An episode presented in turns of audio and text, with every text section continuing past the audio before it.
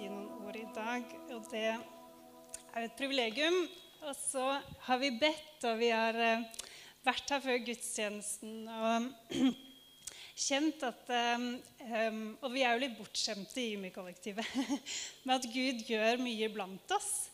Og jeg husker nesten ikke et møte jeg har vært her hvor jeg ikke har kjent at Gud møter meg og gjør noe med meg. Og det, det ønsker Gud for deg i dag. Han har en helt helt spesiell plan med at du er her, og noe helt spesielt han ønsker å gi og puste liv på inn i livet ditt. Eh, og han har noe helt spesielt han ønsker å vekke til liv i deg. og eh, ja, Jeg skal ta opp tråden på det senere, men bare, jeg er bare så takknemlig for en kirke der hvor Gud er nær hver gang vi møtes, og for et privilegium det er å være sammen så har jeg fått et tema, og det er veldig deilig. I dag er dagens tema dåp. Enkelt og greit.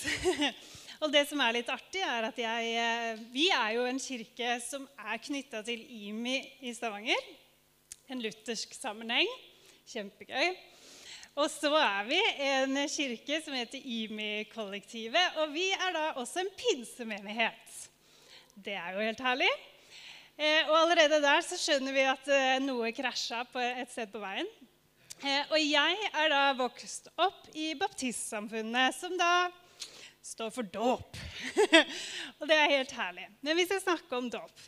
Og som kirke så er vi ikke Det er rom for mange meninger og mange Det er ikke noe sånn innslag i dåpsdebatten vi skal snakke om.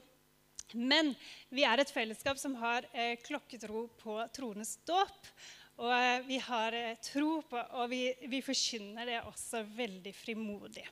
Og hvis det er sånn at du sitter her og du tenker dåp hadde vært noe for meg, det har jeg tenkt på lenge, det burde jeg gjøre noe med, så er det sånn at enten Anita, som leder lovsang, som er i lederteamet, eller noen andre i lederteamet er eh, veldig tilgjengelige, og med jevne mellomrom så er det dåp. Selv om vi ikke har tatt med badekaret i dag, så er det dåp i kirka vår med jevne mellomrom forskjellige steder. Så bare si ifra hvis det er noe du tenker det er for meg. Jeg Bare vent. Nei da. Jeg har sett på, og det er et privilegium, å få lov til å se gjennom Bibelen på et tema og sett på dåp gjennom Bibelen hva som skjedde. Og For det første så må vi bare slå fast at Jesus ble jo døpt. Så Jesus i Matteus 3 så står det Da kom Jesus fra Galilea til Johannes ved Jordan for å bli døpt av ham. Men Johannes ville hindre ham og sa, 'Jeg trenger å bli døpt av deg, og så kommer du til meg.' Jesus svarte, 'La det nå skje. Dette må vi gjøre for å oppfylle all rettferdighet.' Da lot Johannes det skje, og da Jesus var blitt døpt, steg han straks opp av vannet, og se, himmelen åpnet seg. Og han så Guds ånd komme nedover seg som en due, og det lød en røst fra himmelen. Dette er min sønn, den elskede. I ham har jeg min glede. Så det var helt tydelig at Gud ønska at Jesus skulle bli døpt på den tiden som han ble, og av Johannes. Så Johannes var jo fetteren til Jesus, og var en artig kar som spiste gresshopper og vill honning og kledde seg i kamelhårskappe. Og Han var da utvalgt av Gud for å forkynne for menneskene på den tiden. Dere må omvende dere og døpe dere, for Guds rike er kommet nær. Og Når vi tenker på det, så er det en haug, en lang liste av rare ting som skjer her. Kamelhårskapper og gresshopper er én ting, men også det at han inviterer mennesker til å komme til et vann. Og så sier han, 'Kom, så skal jeg dykke deg under og løfte deg opp igjen.' Og så er du klar for å ta imot Guds rike. Men sånn var det. Det er en litt sånn rar, snodig ting, men det er en enorm symbolsk betydning. Og det var en sånn stadfestelse av noe som var på Guds hjerte. For Johannes skulle få mennesker til å bli klare for å ta imot Guds rike, og dåpen var en viktig del av det. Johannes selv sa, 'Jeg døper dere med vann til omvendelse.'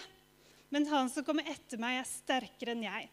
'Jeg er ikke verdig til å ta av ham sandalene.' 'Han skal døpe dere med Den hellige ånd og ild.' Og Det var liksom det som skjedde helt i begynnelsen når det gjelder dåp.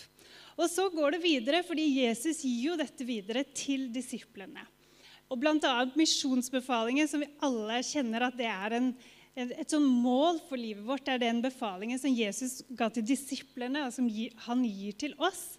Så sier Jesus selv han trådte fram og talte til dem og sa.: Jeg har fått all makt i himmelen og på jorden. Gå derfor og gjør alle folkeslag til disipler. Døp dem til Faderens og Sønnens og Det hellige ånds navn. Og lær dem å holde alt det jeg har befalt dere. Og se, jeg er med dere alle dager inntil verdens ende. Så Jesus gir det som et oppdrag til disiplene. Gå ut og døp. Gå ut og lær dem å være disipler. Gå ut og døp. Fordi Jesus visste den enorme betydningen det hadde å gjøre noe fra én ting til en annen og ha et symbol i midten som bevisst sa 'Dette var du, men dette er du nå'. Og dåpen var fordi det beviset på å gå fra noe og til noe. Så på pinsedagen så står Peter fram. Og disse historiene nå kjører vi litt gjennom, fordi mange av dere er deilige sånne bibelnerder og kan dette godt. Men Peter på første pinsedag sier Vend om og la dere døpe i Jesu Kristi navn hver og en av dere, så dere kan få tilgivelse for syndene, og dere skal få Den hellige ånds gave. Det var når alle mennesker lurte på hva i all verden skal vi gjøre. Her sitter vi i en knipe. Dette kommer vi oss ikke ut av. Peter, hvordan skal vi bli frelst? Så sier Peter det samme som Johannes hadde sagt flere år. Vend om og la dere døpe. Og nå var det ikke bare Johannes dåp til omvendelse, nå var det bare også i Jesu navn, for dette var etter Jesus hadde dødd og stått opp igjen. Så står det i vers 41.: De som tok imot budskapet hans, ble døpt, og den dagen ble det lagt omkring 3000 mennesker til. Videre så sier Philip, når han møter den etiopiske hoffmannen, bare for å vise liksom hvordan dette levde i disiplene hele tiden Philip møter den etiopiske hoffmannen i apostlenes gjerninger 8. Og hoffmannen blir så berørt. Det var når Philip kom ved siden av vogna hans, og gikk ved siden av, og så forteller han evangeliet om Jesus og om Guds rike. Så blir hoffmannen så rørt. Og så sier han, 'Hva skal jeg nå gjøre?' Eh, så sier han se, og, og, og, Philip forteller liksom, nå må du tro, og du må bli døpt. Så sier hoffmannen se, her er det vann. Hva er til hinder for at jeg blir døpt? Og Philip svarte hvis du tror av hele ditt hjerte, kan det skje. Og da sa han jeg tror at Jesus Kristus er Guds sønn. I alle disse fortellingene ser vi at det er en tro, og den følges opp av en dåp. Og så er det også en dåp i Den hellige ånd, at de får Den hellige ånd. Det er et fantastisk budskap. Og når Jesus ble døpt, så bekrefter han både Johannes sin forkynnelse, at Johannes var fra Gud, at Johannes var en som var sendt fra Gud for å forkynne om Guds rike, om at det var kommet nær, og gjorde folk klar for det. Og når Jesus blir døpt med Johannes' dåp, så anerkjenner han og bekrefter Johannes som profet i den tiden. Bekrefter budskapet hans. Og så gjør Jesus det også som et forbilde for oss. Jesus ble døpt, og han gjorde det ikke fordi Jesus trengte et nytt liv. Han trengte ikke å begrave noen ting. Han var allerede perfekt og levde upåklagelig. Men han gjorde det allikevel som et forbilde. Og det som er så deilig, er når han reises opp fra vannet, så sier Gud, 'Dette er min elskede, som jeg har behag i'. Og Det er den samme dåpen som vi får lov til å døpes med, hvor Gud sier over deg, over ditt liv, du er min elskede, som jeg har behag i. Så det er både en sånn anerkjennelse av det budskapet, og så er det også en sånn eh, mottagelse av Guds, Guds godhet, Guds kjærlighet og Guds farshjerte for deg i dåpen. Og den samme anerkjennelsen som Gud hadde over Jesus, har han over ditt liv. Og den samme eh, den samme eh, eh, ordet bruker faktisk Jesus om tjenesten sin. Når disiplene kommer til han og spør hvordan kan vi få lov til å sitte det var selvfølgelig tordensønnene, så kommer kan ikke vi få lov til å sitte ved siden av deg i himmelen, Jesus? Så svarer han de, hvordan kan dere det? Kan dere døpes med den dåp jeg døpes med? Så for Jesus så var det også en bekreftelse og en sånn tydelighet at dette var hans kall. Dåpen den, den var begynnelsen på Jesu tjeneste på jorda. Etter dåpen til Jesus så begynte hans offentlige tjeneste. Da var han akkurat der han skulle være for å begynne å gjøre alle de gjerningene som vi leser om i evangeliene. Og På samme måte så er det også et kall over vårt liv, over ditt liv. Og Gjennom dåpen så er det bare en overgivelse til det kallet Gud har over oss. Så Gud stadfester det, og han utvelger oss. Han stadfester det gjennom dåpen.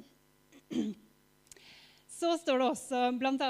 Eh, det her fantastiske bildet med vann, hvordan Jesus snakker med Nikodemus i Johannes 3 og sier for å, være, eh, for å bli født på ny så kan du selvfølgelig ikke komme inn i mors liv igjen, men du må bli født av vann og ånd.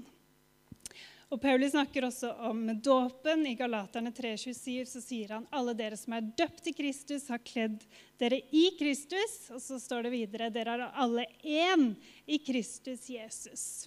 Og Han sier også i Feserne dere, er, eh, dere har én Herre, én tro og én dåp. Så det er en enhet i det vi gjør her. Det er en enhet i dåpen. Det sier at vi tilhører hverandre. Ja, Vi tilhører Gud, og så tilhører vi hverandre som fellesskap.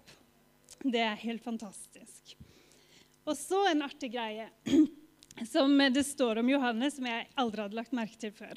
Men i Johannes 3 så står det at Johannes døperen han fant mye vann for å døpe.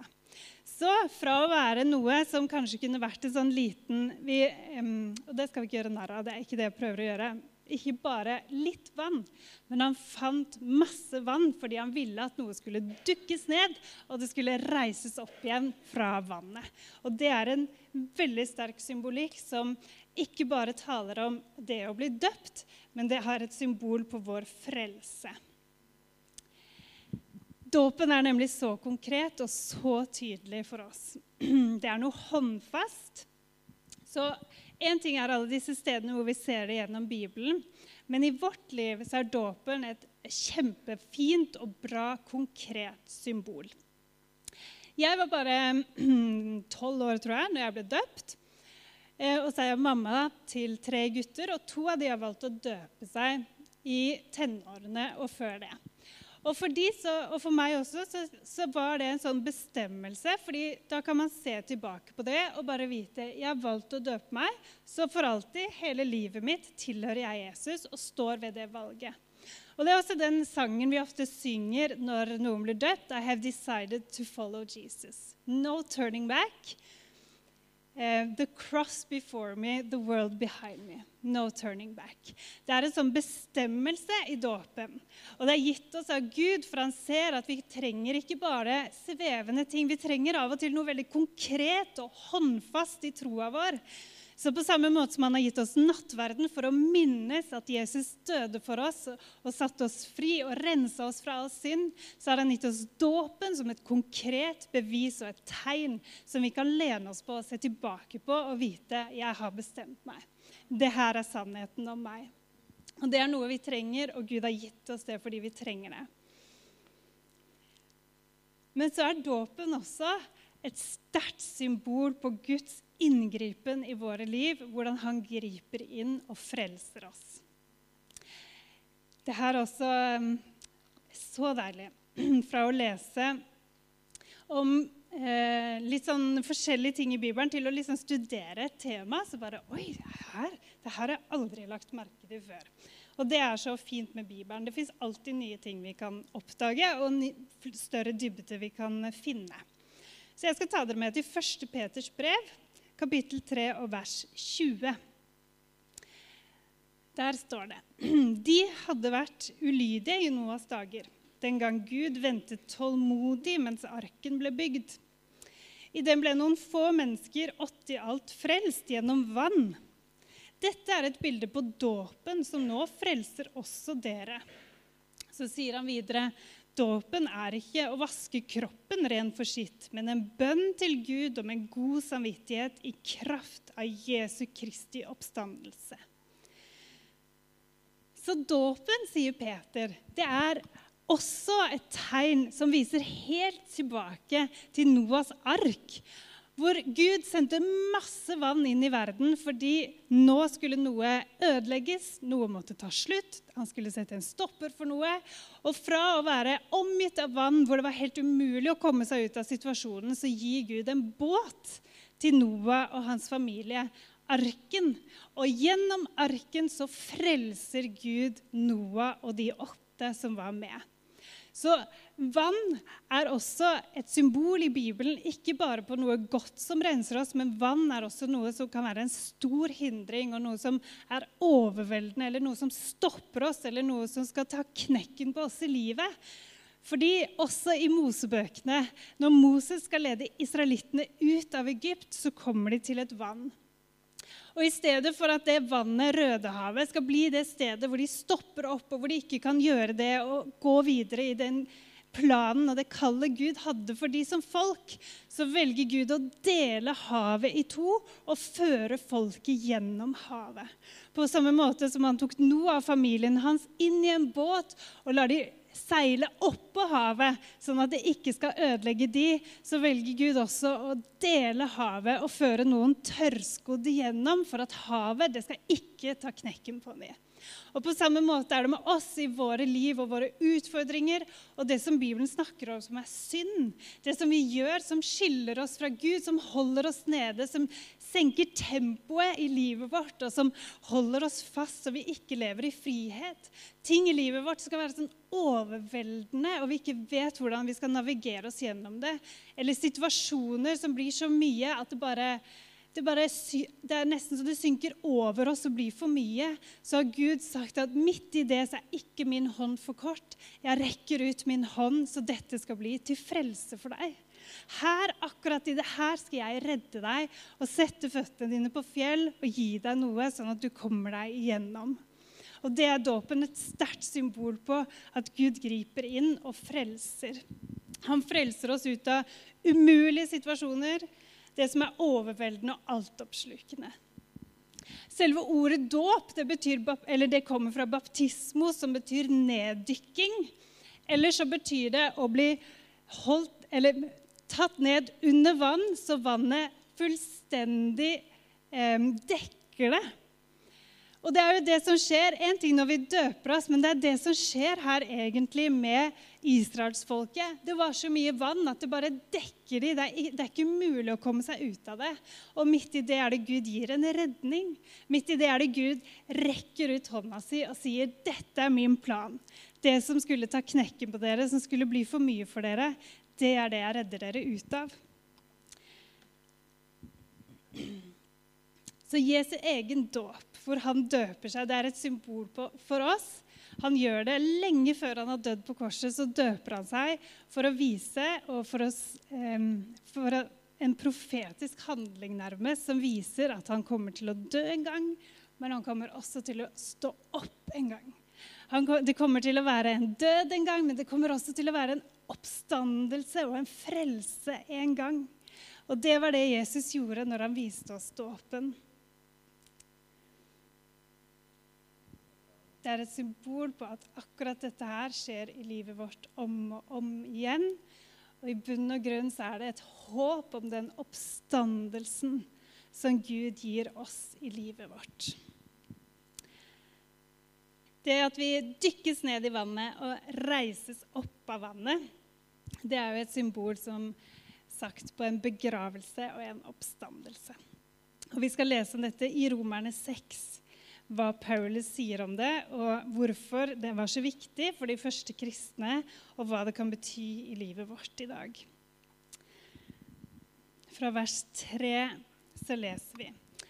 Eller vet dere ikke at alle vi som ble døpt til Kristus Jesus, ble døpt til hans død? Vi ble begravet med ham da vi ble døpt med denne dåpen til døden. Og som Kristus ble reist opp fra de døde ved sin fars herlighet, skal også vi vandre et nytt liv. Har vi vokst sammen med Kristus i en død som er lik hans, skal vi være ett med han i en oppstandelse som er lik hans. Vi vet at vårt gamle menneske ble korsfestet med ham for at den kroppen som er underlagt synden, skulle tilintetgjøres, og vi ikke lenger skulle være slaver under synden. Eh, litt gresk for meg. Ja, vær så god. Jeg vet ikke hva dere tenker, men slave under synden, det er ikke superrelevant. Helt ærlig. Det er ikke sånn at jeg tenker ja, nå skjønner jeg hva du mener, Paulus. Godt sagt. Selv om det er godt sagt. Men det er bare slave er litt sånn eh, diffust begrep som ikke alltid har noe å si for mitt liv, i hvert fall. Jeg vet ikke hvordan det er med dere.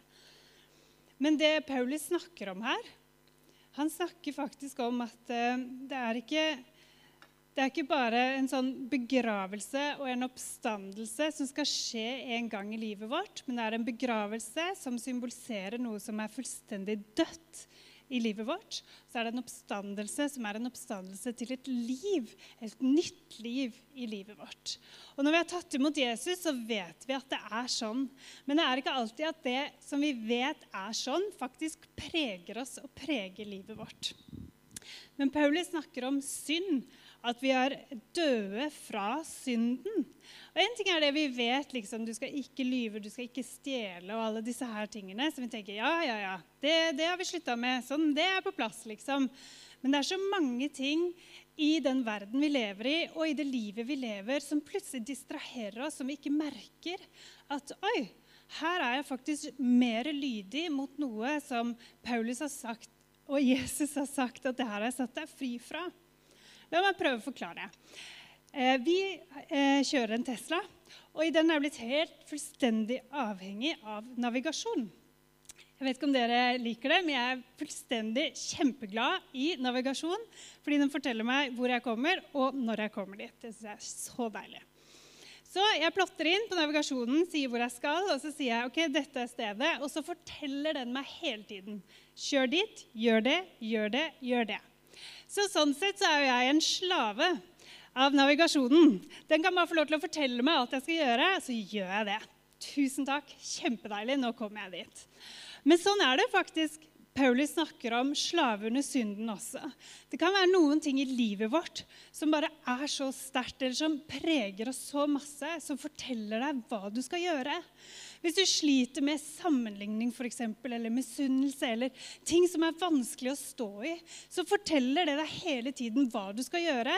Så i stedet for å navigere ut fra det livet som Jesus har kjøpt deg fri til, så begynner du å høre på alle disse her andre tingene som forteller deg hvor du skal, og så merker du ikke at oi, nå er jeg jo plotta inn et sted. Det var ikke dit jeg ville, men det var det som fikk lov til å fortelle deg hva du skulle gjøre hele tiden. Og sånn er det. Jesus sa det at den som gjør synd, er slave under synden.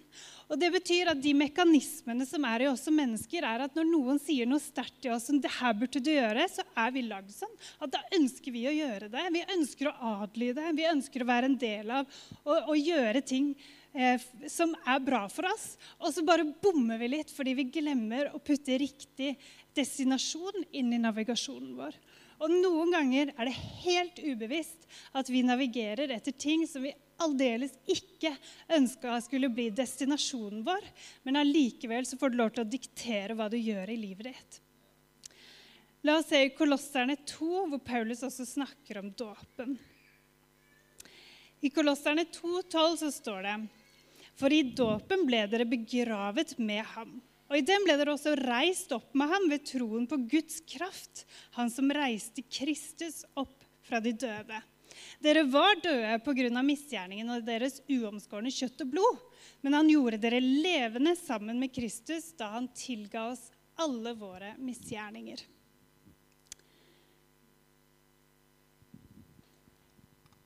Og videre så sier Paulus masse forskjellig.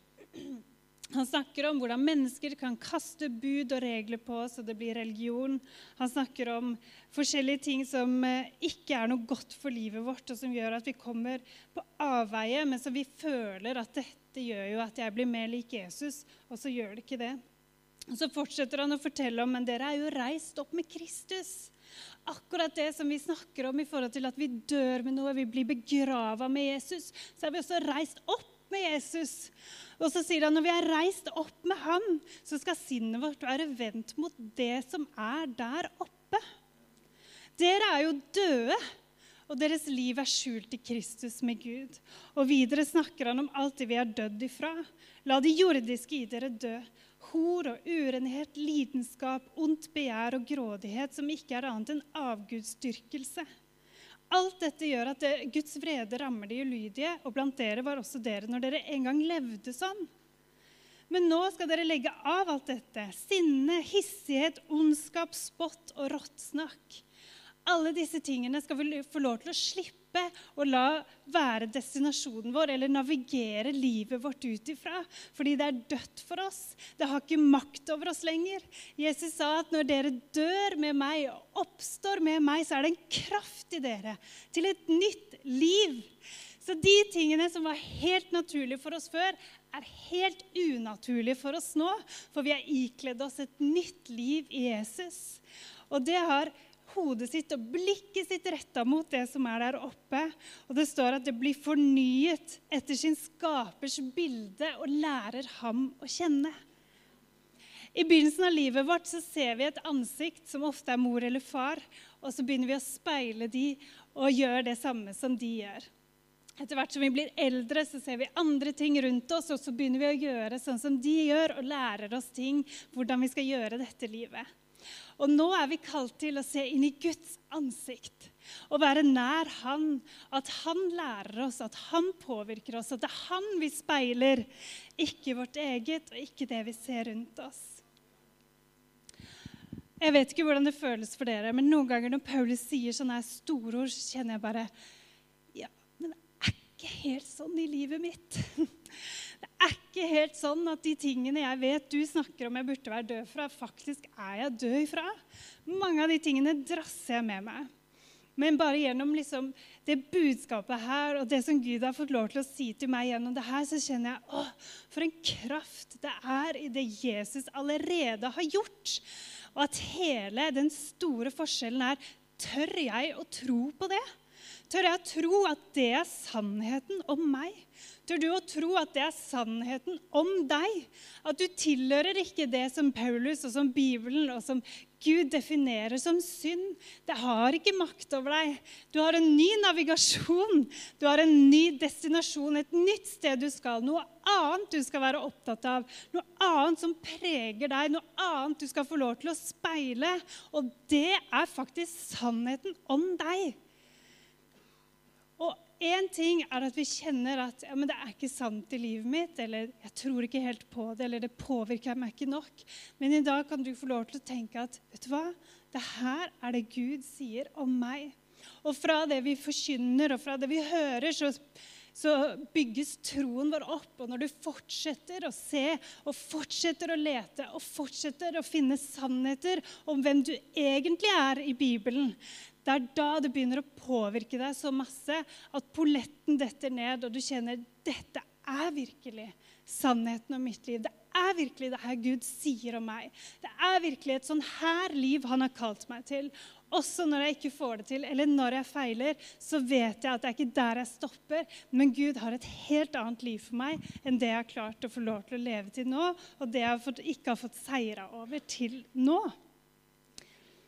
Så hva finnes i livet vårt som vi egentlig kunne sett på som dødt og begrava, og som ikke har makt over oss lenger? For min del så handler det mange ganger om perfeksjonisme.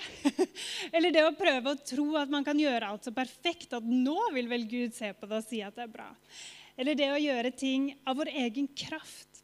Eller menneskefrykt eller frykt generelt. Det er noe som Bibelen snakker om. Det tilhører ikke oss lenger selvmedlidenhet eller stolthet eller misunnelse eller religioner, døde gjerninger, religiøse gjerninger, det tilhører ikke oss lenger.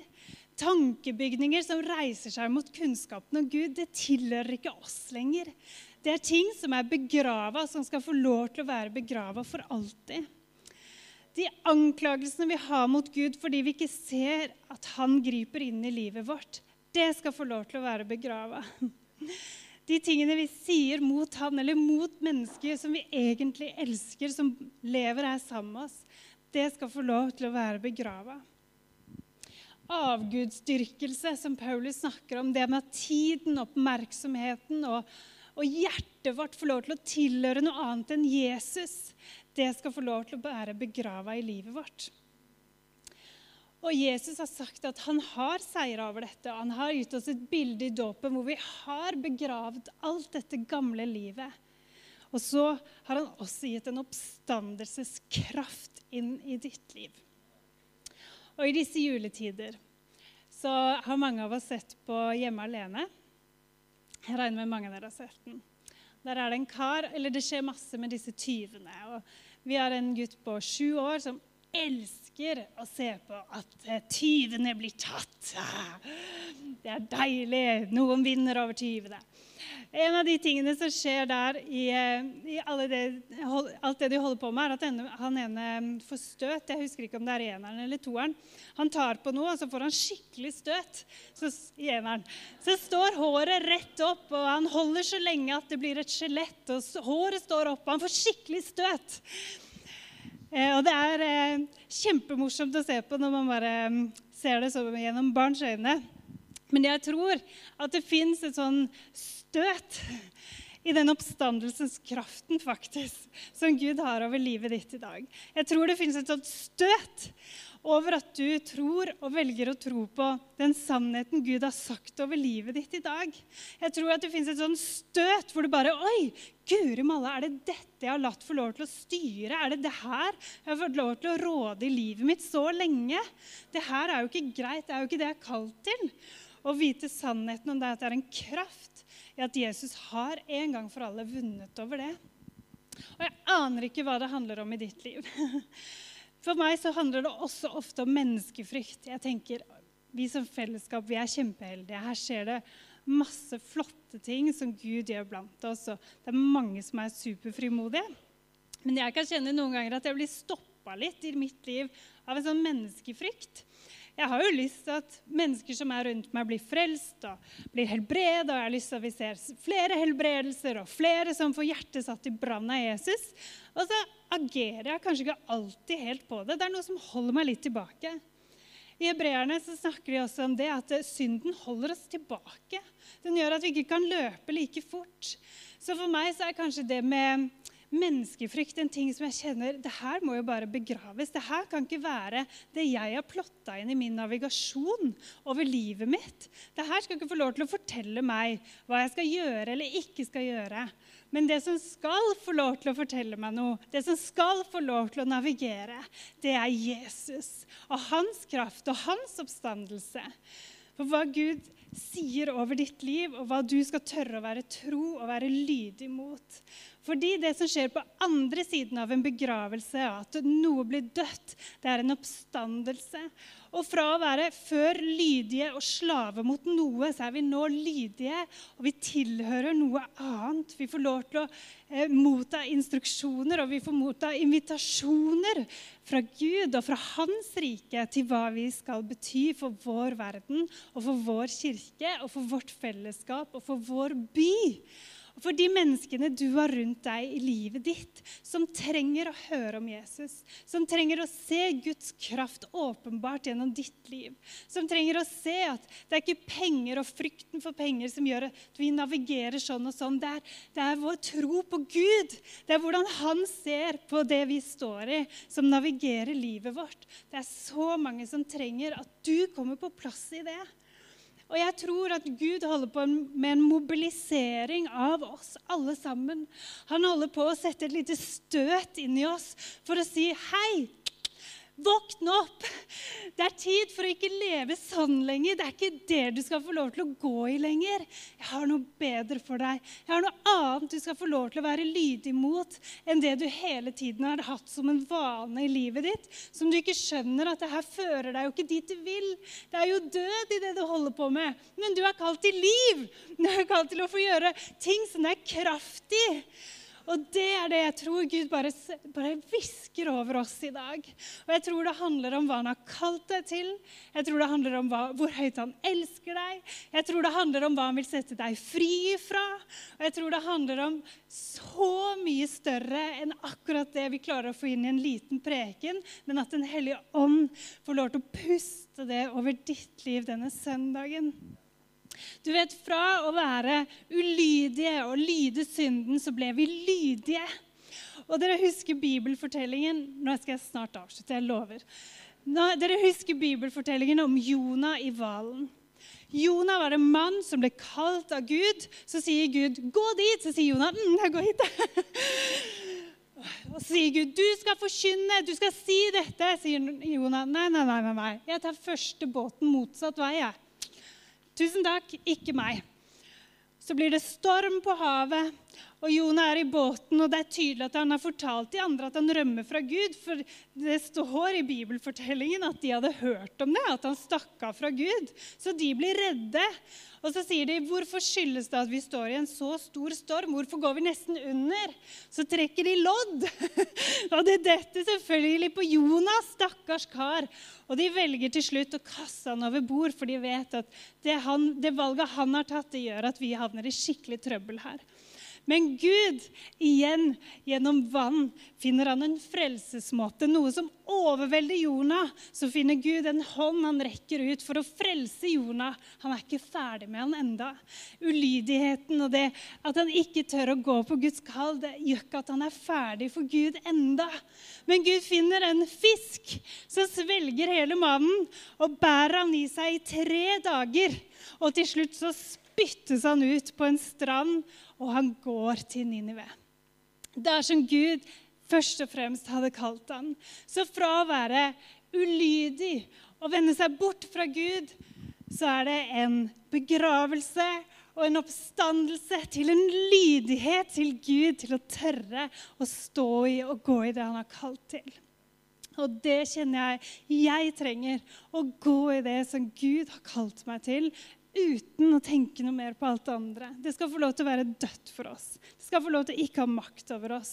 Men det som har makt over oss, det er det livet Gud har kalt deg til. Du har hørt en podkast fra Imekirken Kollektivet. Følg oss gjerne i sosiale medier for inspirasjon i hverdagen.